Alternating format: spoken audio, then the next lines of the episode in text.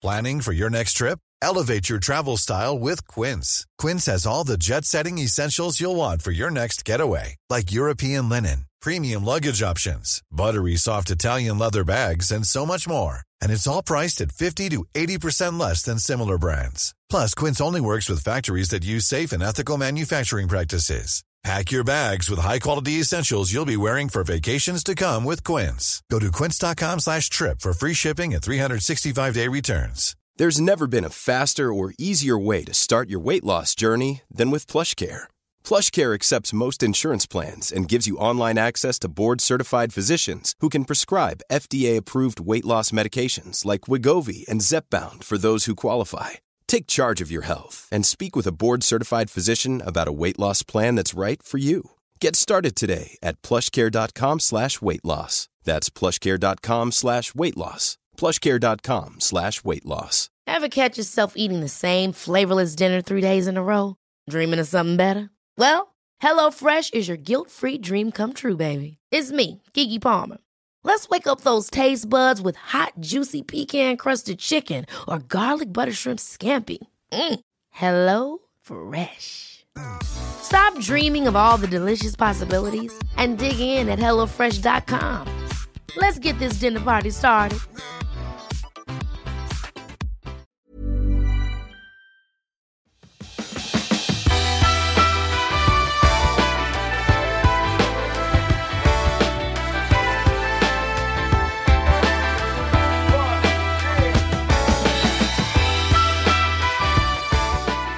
Hej och välkommen tillbaka till Klimakteriepodden. Idag har vi avsnitt nummer fem och det är motion mot klimakteriebesvär. Angelica underströk ju nogsamt förra avsnittet om hur viktigt det är att röra på sig.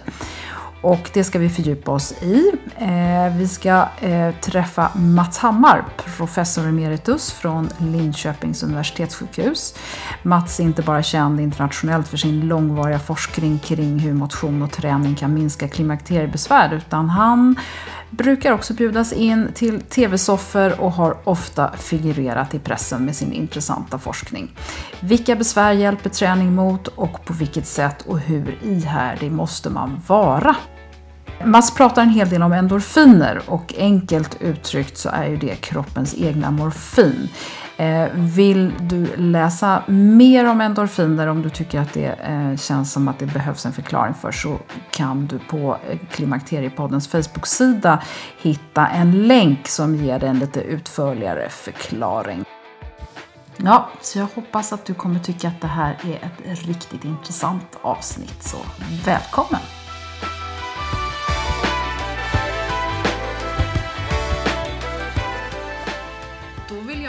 Hälsa dig hjärtligt välkommen Mats Hammar. Tack så mycket. Vi sitter här på Linköpings eh, universitetssjukhus och vi eh, ska prata om motion idag. Eh, och framförallt motion i samband med klimakterie och klimakteriebesvär.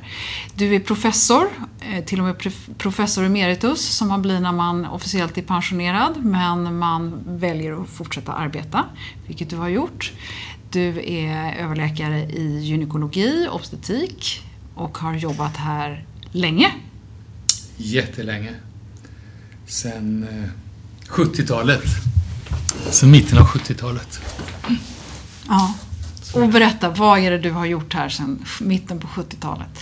Ja, om vi ska rikta in oss på det som du eh, vill att vi ska prata om så, så var det väl egentligen under mitt avhandlingsarbete som handlade om något helt annat, nämligen om ofrivillig barnlöshet så började det här med klimakteriet och klimakteriebesvär dyka upp. Och eh, det var fortfarande väldigt ovanligt att kvinnor använde någon hjälp, hormonbehandling. Vi pratar nu mitten, slutet av 70-talet. Men så småningom så blev det väldigt mycket mer diskuterat och uppmärksammat och hormonbehandlingen, användandet av hormonbehandling ökade ju från kanske 3-4 procent av alla kvinnor runt menopaus, den sista mensen, använder hormon. Är vi fortfarande Då, på 70-talet? På 70-talet. Fram till en boom strax, ja, kring millennieskiftet då uppemot varannan kvinna använde hormonbehandling. Eh, men det kom sen i bakvatten eftersom man fann att det fanns problem. Dels visste man redan då vid millennieskiftet att risken för bröstcancer ökade. Men det som kom då var att framförallt äldre kvinnor som började behandlingen många år efter menopaus visserligen, men att de hade inte skyddseffekt mot hjärtinfarkt som man hade trott länge.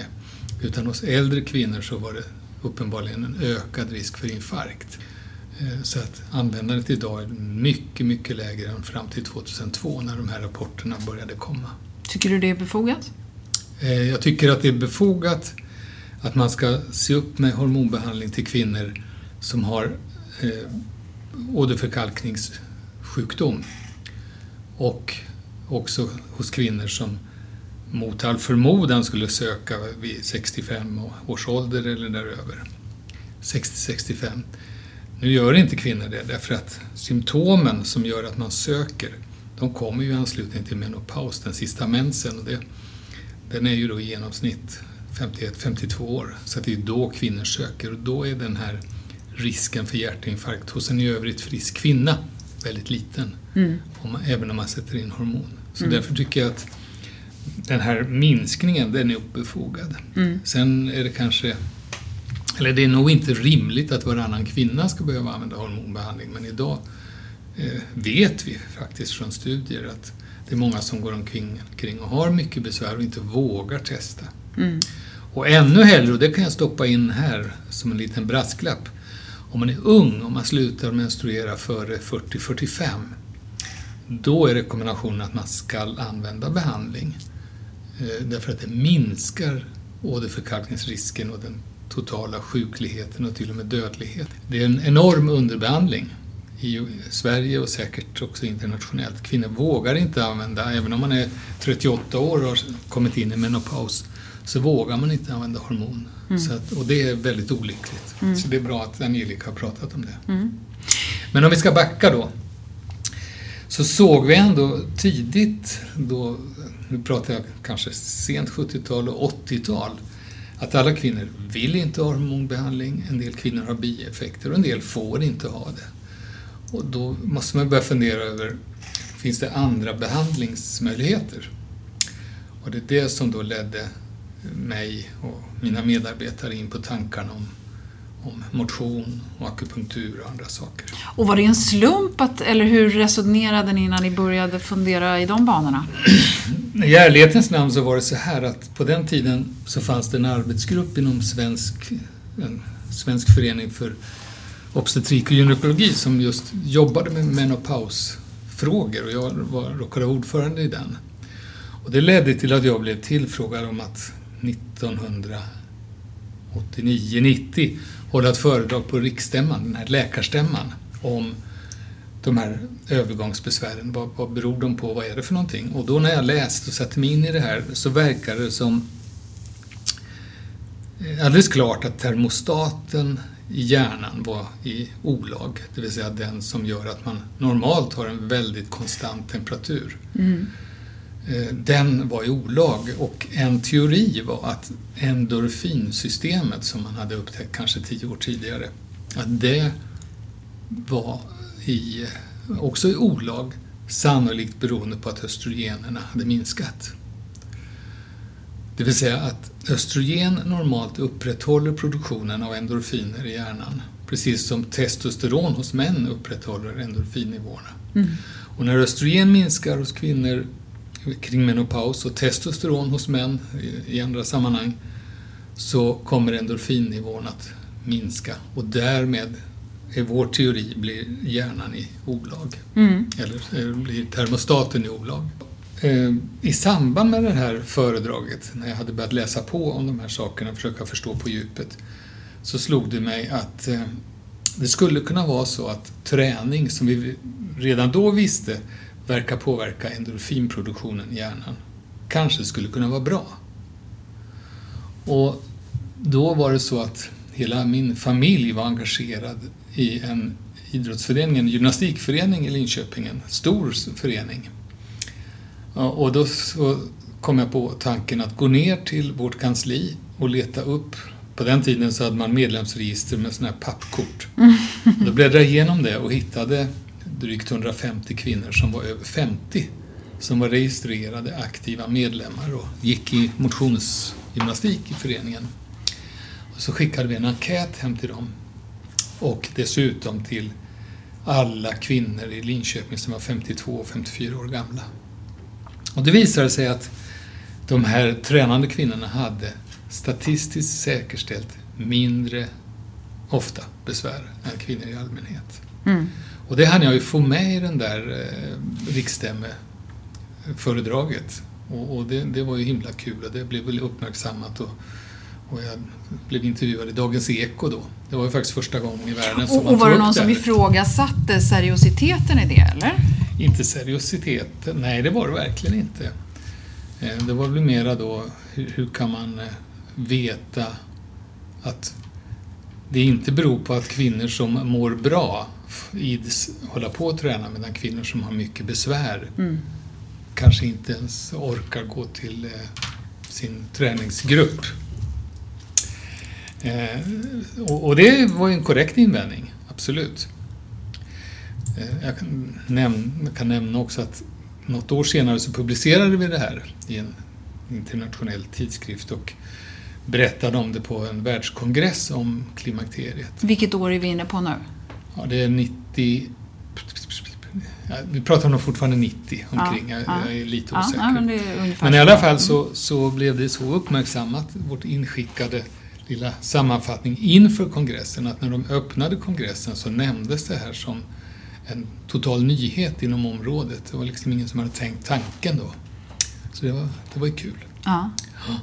Sen har vi och, gjort om en liknande studie där vi då lät, eller skickade enkäter till alla kvinnor i, i Linköping igen och bad dem också berätta vilken typ av arbete de hade, om de fick anstränga sig i jobbet och, och hur mycket de tränade och respektive hur mycket besvär de hade. Och då kunde vi egentligen bekräfta samma sak. Att de kvinnor som tränade mycket hade mindre besvär. Och, och höll ni på och mätte de här dopaminvärdena och Nej, nej, nej. annat? Det Utan det var- var rent hur subjektivt hur de Absolut. själva upplevde det? Ja, det var det. det, var det. Ja. Hur gick ni vidare sen då? Jo, sen eh, så egentligen det viktiga att göra det som man kallar för en intervention, alltså att eh, bjuda in kvinnor med besvär och lotta mellan olika behandlingar. När det gäller läkemedel så är det ju vanligt att man lottar mellan antingen ett bra läkemedel som finns och ett som man vill testa och se om det är ännu bättre. Eller ett läkemedel som man tror ska funka mot placebo. Och det här dubbelblindat och så att vare sig behandlande läkare eller, eller kvinnan i fråga vet vad hon har fått men man har koder och bryter efteråt. Men det var ju jättesvårt att göra med träning. Det var extremt svårt så egentligen har vi fortfarande inte kläckt hur, hur det skulle gå till. Det var någon som sa att några kan ju lottas till att träna och de andra får sitta och titta på sport på TV. Men det är ju fortfarande så att de vet ju vad de gör. Ja. Och då kom idén om en annan behandling som också påverkar endorfinerna och det var akupunktur. Där det ju finns sätt att ge, så att säga, svag akupunktur eller närmast placeboakupunktur. Eh, Och akupunktur anses som en av sina effekter ha mekanismer på endorfinerna Mm. på liknande sätt som muskelträning har. I en sån studie så lottade vi kvinnor mellan akupunktur, östrogen och motion. Mm.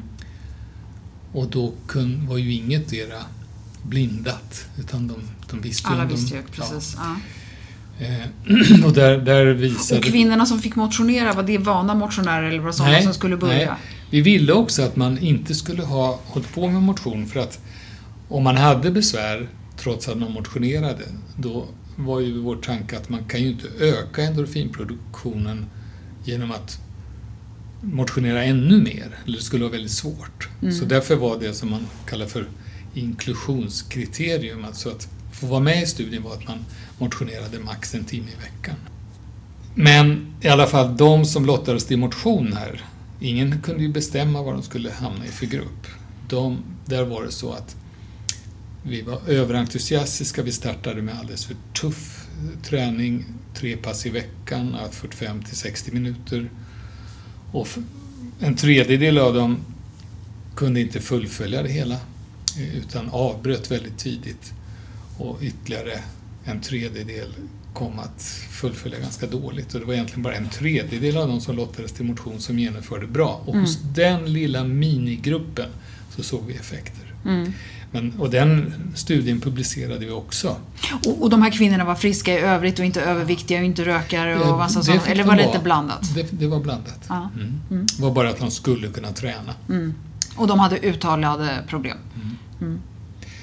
Eh, men i alla fall, det där blev ju en väldigt liten och egentligen alldeles otillfredsställande studie. Men, men jämförde ni ändå med de här kvinnorna som fick akupunktur och östrogen? Ja. Och vad såg ni då? Alltså östrogen har ju väldigt kraftfulla effekter. Så de som fick östrogen, där ser man ju en nästan total försvinnande av de här besvären. Mm. Man, alltså I stora studier så ser man ungefär 90 procents minskning. Mm. Akupunktur halverade besvären, eller lite drygt. De kom ner till lite under hälften av antalet och lite under hälften av svårighetsgrad. Mm. Och de där, den där tredjedelen av de motionerande mm. var i samma nivå som akupunkturen. Okay. Mm. Och, och, men ändå så tror ju du på det här med att motion lindrar. Eh, Absolut. Ja. ja. Så det är inte slut än på historien. Nej, precis. Nej.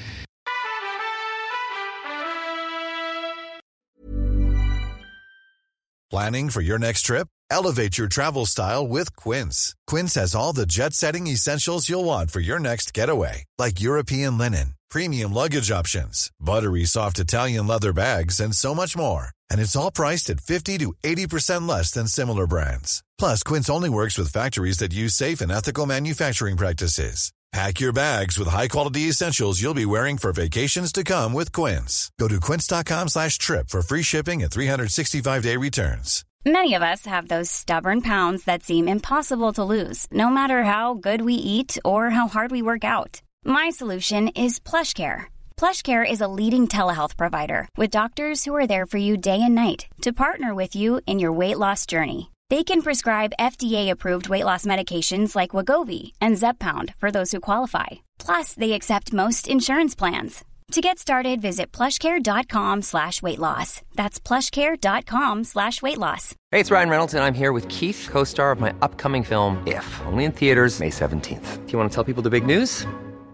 All right, I'll do it. Sign up now and you'll get unlimited for $15 a month in six months of Paramount Plus Essential Plan on us. Mintmobile.com slash switch. Upfront payment of $45 equivalent to $15 per month. Unlimited over 40 gigabytes per month. Face lower speeds. Videos at 480p. Active Mint customers by 531.24 get six months of Paramount Plus Essential Plan. Auto renews after six months. Offer ends May 31st, 2024. Separate Paramount Plus registration required. Terms and conditions apply if rated PG.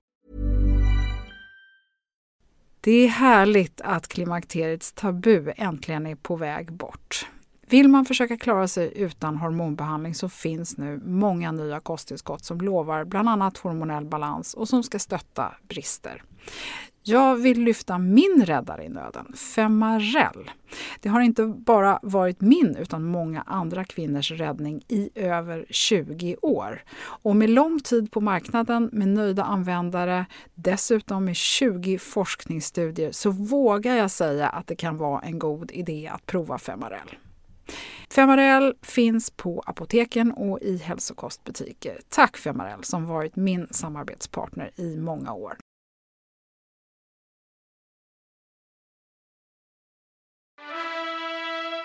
Men i alla fall så tyckte jag att den här motionsdelen den var otillfredsställande studerad. Men eftersom det var så få som genomförde, vi började alldeles för intensivt. Så tillbaka till de där teoretiska studierna som jag gjorde innan det där föredraget. Mm. Så finns det egentligen bara djurstudier på vad som påverkar endorfinproduktionen uppe i hjärnan. Det var inte studerat hos människa egentligen. Och då är det enligt de djurstudierna att arbeta med stora muskelgrupper som påverkar endorfinbildningen.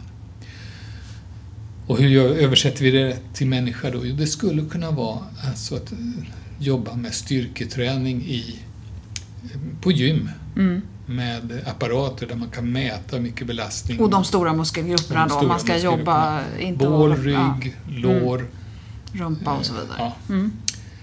Så då kom idén att göra en ytterligare studie och den håller vi på med, eller vi är i princip klara med datainsamlingen. Där vi har låtit 60 kvinnor drygt som har tillräckligt mycket besvär och som är intresserade av att få hjälp mot de besvären lottas mellan att inte ändra sitt beteende eller att börja träna tre pass i veckan för en sjukgymnast, fysioterapeut heter det numera, eh, på gym. Och där vi har gjort det väldigt eh, välkontrollerat. Så man har börjat med att ta reda på vad de har för styrka i olika muskelgrupper enligt ett visst sätt. Eh, att, att mäta hur mycket man orkar. Så mycket man klarar att göra åtta gånger men inte den nionde. Det är liksom max. Och sen har de fått ett program för första tre veckorna att successivt öka sin belastning. Eh, Och då ser man redan efter tre veckor att de har blivit starkare. Och sen får de ett program från vecka 4 till vecka 15, så 12 veckor till. Mm. Och det har de kört. Mm. Och då har vi under studien, eller i början och efter 15 veckor låtit dem föra dagbok och tala om hur många vallningar de har, hur besvärade de är av dem. Vi har mätt eh, blodtryck, bukomfång, vi har gjort totalkroppsmagnetkameraundersökningar för att se på fettfördelning, muskelmassa. Vi har i blodprover mätt eh, markörer för hur immunsystemet är aktiverat. Den oxidativa belastningen, det är alltså oxidativ stress är ju något som inte är bra, när, eh, som till exempel en rökare eh, utsätter sig för och som påverkar arvsmassan och som är inblandad i både åderförkalkning och cancer. Vi har mätt mängder av olika saker för att se på andra hälsoeffekter av det här programmet. Mm. Så här har man ju inte bara kommit fram till att det är bra för klimakteriebesvär naturligtvis, utan även för, för kvinnans välmående i, i stort. Alltså det är det vi hoppas kunna visa för analyserna är ju inte klara än. Nej. Men i första hand är det förstås mot besvären. Men när vi ändå gör det här som har tagit fyra år att få in det här materialet och, och göra alla mätningar så ville vi få ut mer saker Ja. som man från andra håll eh, har skäl att för, tro att det kan vara värde. Mm. Kanske inte riktigt allt. Om man till exempel tränar alldeles för hårt så vet vi att immunsystemet kan bli för påverkat så att man blir mer infektionskänslig till exempel. Det ser vi ju på en del elitidrottare som är väldigt infektionskänsliga. Nu tror inte jag att det här är den belastningen alls men det här med, med att titta på immunsystemet är lite för att försäkra oss om att det mår bra. Mm. Mm. Väldigt många av resultaten är inte klara än, eh, men det som man kan säga det är att de som tränade minskade sina övergångsbesvär statistiskt säkerställt bättre än de som inte tränade. Och, och de kvinnor som, finns det liksom en gräns där? De kvinnor som är riktigt vältränade, smala eh, och, och så vidare redan från början upplever eh, starka övergångsbesvär. Ska de börja träna mer eller är det då så att säga, östrogen som är lösningen? Nej, men det är en bra fråga eftersom vi, vår tanke var att om man nu tränar ganska mycket och vi hade en särskild gräns där också då är det kanske inte möjligt att öka träningen ändå mera. Nej, för då hamnar du i det här eh, andra eh, Ja, där den- infektionsrisker och annat, eh, Ja, en och- svagare och immunsystem. kanske andra vidare. negativa Ja, effekter. Ja. Så att som kriterium hade vi att man skulle träna max en, ja, 75 minuter intensivt och 225 minuter totalt, det vill säga inklusive raska promenader och sånt där. Det var vad man fick träna Men för att få vara och, med i och studien. träna är här, det är en pulshöjning det handlar om. Man kan inte gå och lalla med hunden bara. Nej, nej lalla med hunden, det, det räknade vi inte in. Utan Nej. så att man liksom rask promenad eller rask cykling eller förstås gå och träna på, på gym eller på Friskis eller vad det kan vara. Där tillät vi ett, ett, det, det fanns ett tak där för att man skulle kunna få vara med. Och jag kan inte svara på din fråga om någon som tränar ganska mycket och ändå har besvär om den personen kan dubblera sin träning och bli bättre. Det har inte vi studerat och det har ingen annan heller gjort. Så det, det, det kan jag inte svara på. Men de här kvinnorna som då tränade ingenting till måttligt eller till ganska lite men ändå upp till några timmar i veckan. De som grupp förbättrades. Mm. Och då pratar vi om svettningar, vallningar. Och inget annat. Ingenting annat? Sömn, I, jo, jo, depressioner, de oro? Allt det andra har vi, har vi samlat data för men vi har inte analyserat det. Nej, vad, vad, du har ju ändå någon magkänsla. Ja, alltså det allmänna välbefinnandet vet man från andra studier att det påverkas ju väldigt påtagligt. Mm. Och magkänslan är ju att de var ju, det var ju en helt annan person som kom tillbaka efter 15 veckor. Som var glad och, och uppåt och ivrig att fortsätta och så. Mm. Men det är helt ovetenskapligt. Om man ska göra det vetenskapligt så måste vi liksom använda våra formulär, validerade instrument och göra beräkningar och så för att man ska kunna säga någonting med eftertryck. Mm. Men min magkänsla är definitivt att de var gladare, piggare, sov bättre, orkade bättre på jobbet etc. Och, och det här var, i alla fall så var det vid menopaus som man startade? Man var tvungen att ha passerat menopaus. Okej. Okay. Och då fanns det ju de som hade haft besvär i tio år, mm. som alltså låg tio år efter menopaus mm. och som såg oh, en möjlighet för mig att träna bort mina besvär. Som och egentligen... de som inte har kommit till den punkten då? Där, där, vet ni inte? Eller där kan ni, alltså det är bättre att träna sig in i menopaus för säkerhets skull? Ja. Ja. Alltså motion är ju i allmänhet av stort värde. Och om det är så att en kvinna som motionerar från hon är, ja, kanske gjort det hela sitt liv, om hon har mindre risk att utveckla övergångsbesvär än den kvinnan som inte har rört på sig, det kan jag inte säga något om. Jag kan bara gissa att det är så, mm. men det vet jag inte. Vet, vi som håller på med vetenskap är väldigt torra och tråkiga. Vi skiljer på vad som vi tror och vad som man har visat. Ja. Ja. Eh, det är väl tur det. Gissa är det många som gör ändå och tro är det också många som gör. Mm. Eh, om man tar östrogen och redan har bestämt sig för att vara där och eh, sen börjar träna väldigt intensivt, skulle du, för att man har haft så mycket besvär då innan anledningen mm. att man har valt östrogen. Skulle du rekommendera att man då trappar ner för att kolla eh, att nu har jag börjat träna riktigt hårt här och jag har gjort det i ett år eller ett halvår eller vad det nu kan vara och sett, känner mig riktigt stark. Skulle du mm. trappa ner östrogenet då? Mm. Om det är en kvinna som är ung som vi pratade om tidigare, som var 40-45 eller yngre, då skulle jag säga fortsätt ändå med östrogenet. Mm. För det finns så starka skäl att använda östrogen ändå. Mm, för här har du en annan. Ja. Mm. Men säg att du har en kvinna som är 55-60 och har använt östrogen och sen kommer igång och tränar bra. Då tycker jag det är en god idé. Mm. Det tycker jag. Mm. För det är så att träningen har inte utifrån vår studie, för den har vi inte analyserat färdigt, och inte egentligen utifrån studier specifikt på kvinnor i klimakteriet, men på äldre personer så vet vi att träning har i princip alla östrogenets goda effekter och några till. Så att träning men, kan man men träningen alltid i sig skapar inte östrogen utan nej, det är nej. framförallt den, de här eh, substanserna som förbättras. När det gäller värmevallningar och svettningar så är det ju vår teori är att östrogen påverkar endorfinerna och om man sätter in östrogen mot klimakteriebesvär så är det nog via det systemet då som man ökar endorfinbildningen och tar bort besvären. Det finns nog andra mekanismer också. Träningen på samma sätt, men träningen har ju massor med andra mekanismer som den är bra. Det här med förvandling av vitt fett till brunt fett, en helt annan mekanism. Påverkan på skelettets hållfasthet, mm. en annan mekanism. Påverkan på blodfetter av träning är åter andra mekanismer. Så träning har ju mängder av mekanismer som den påverkar. Precis som östrogen egentligen påverkar en rad olika mekanismer. Men det jag ville säga var att träning har i princip alla de effekter som östrogen har. Ibland lika starka, ibland lite svagare. Men de har också en del ytterligare effekter mm. som är bra.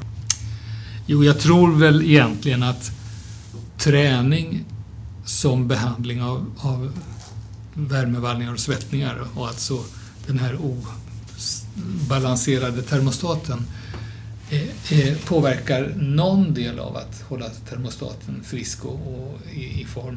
Men det finns säkert, eller vi vet att det finns flera system som påverkar termostaten. Och där nog kanske träning inte påverkar mer än något eller några av dem. Östrogener påverkar uppenbarligen alla eftersom när vi sätter in östrogen så blir de flesta kvinnor helt besvärsfria. Mm. Så att eh, det finns mer sätt. forskning att, att titta Absolut. på vilka fler faktorer ja. går och, eller behöver, man behöver få igång. Absolut. Det kanske är så att kognitiv beteendeterapi påverkar ett system, träning ett annat och att man skulle kombinera dem. Mm. Man, man, kan tänka sig många olika kombinationer för att komma åt de här symptomen totalt. Mm. Eh, jag tänker också bara på det här med, med nedstämdhet och, och depressioner, mm. sömnproblem. Eh, du nämnde ju redan att där finns det ju ett tydligt samband också med välmående och eh, mindre mm. besvär med sånt här. Men om, om man nu ändå har kvar de här andra, är det någonting ni har sett där med, med, med träningen som ni inte tror har att göra med att det inte det är inte samma mekanismer så att säga? till att börja med ska man nog säga så här att depression som sjukdom, det som vi kallar för klinisk depression, den har man inte kopplat till östrogenbrist. Klimakteriet påverkar humöret, det har vi sett, påverkar nog också hur, eh, ska vi säga, hur känslig man är för omgivningen. Man blir mera skör eh, med låga östrogener. Men östrogenbrist i sig utlöser ingen depression. Man kan aldrig skylla en riktig depression på östrogenbrist och behandla bara med östrogen. Och det är väl säkert likadant med träning. En, en, eh, en riktig depression som skulle kräva medicinsk behandling av något slag kan nog bara modifieras. Mm. Vi vet att stämningsläget blir bättre och vi vet att lätt depression kan man behandla med träning. Mm.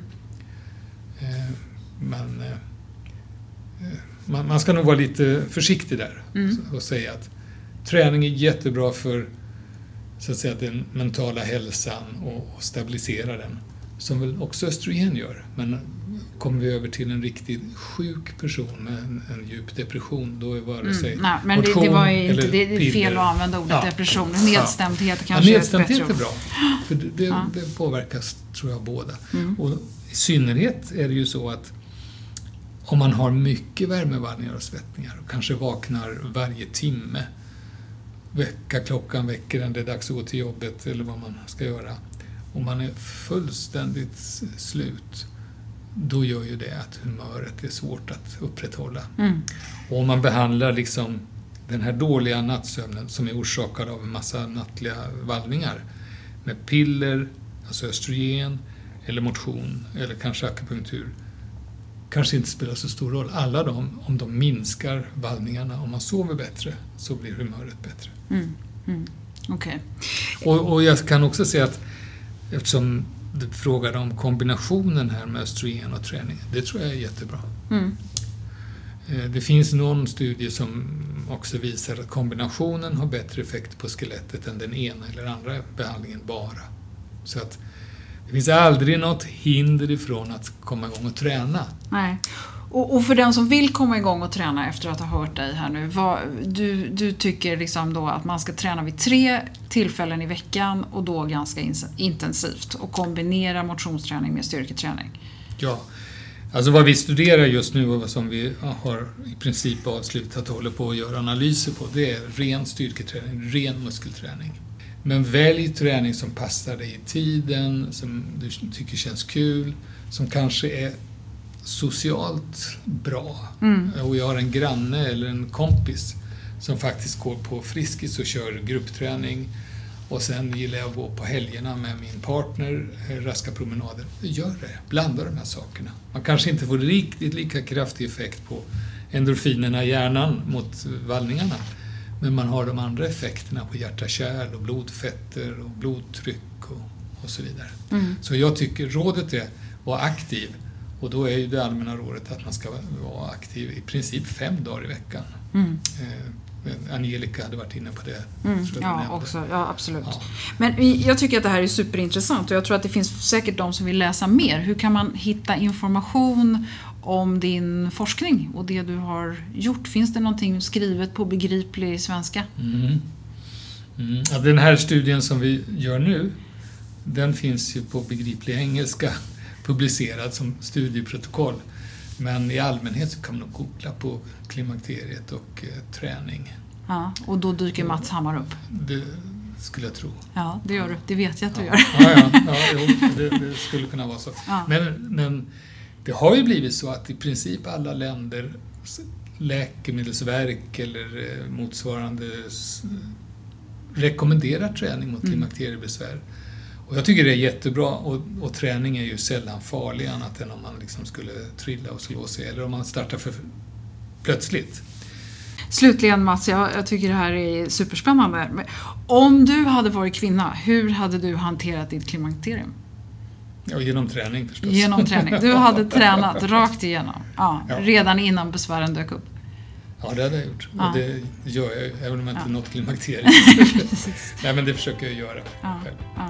Ja. men det ska bli spännande att få följa det här och jag är övertygad mm. om att vi kommer kunna läsa mer eh, också om det. Eh, jättebra, jag tycker vi har fått ett väldigt klart och tydligt tips här att ta med oss och det är träna. Tack Mats. Tack så mycket.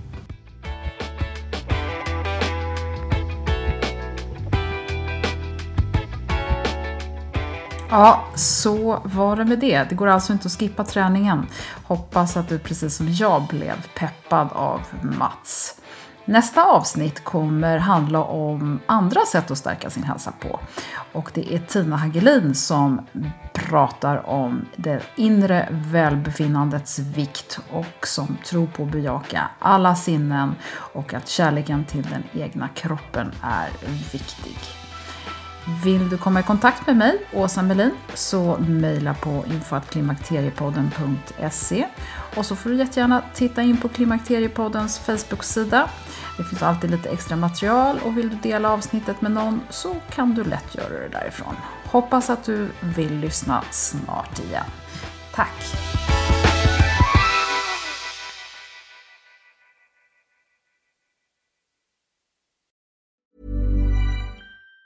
Even on a budget, quality is non-negotiable. That's why Quince is the place to score high-end essentials at 50 to 80% less than similar brands. Get your hands on buttery soft cashmere sweaters from just 60 bucks, Italian leather jackets, and so much more.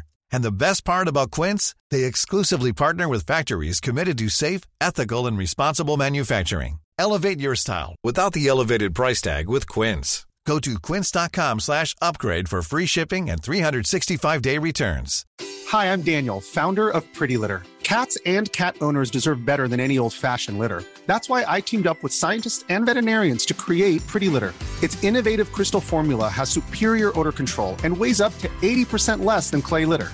Pretty Litter even monitors health by changing colors to help detect early signs of potential illness. It's the world's smartest kitty litter. Go to prettylitter.com and use code ACAST for 20% off your first order and a free cat toy. Terms and conditions apply. See site for details. Imagine the softest sheets you've ever felt. Now imagine them getting even softer over time. That's what you'll feel with Bowl and Branch's organic cotton sheets. In a recent customer survey, 96% replied that Bowl and Branch sheets get softer with every wash. Start getting your best night's sleep in these sheets that get softer and softer for years to come. Try their sheets with a 30-night guarantee. Plus, get 15% off your first order at bowlandbranch.com. Code BUTTERY. Exclusions apply. See site for details.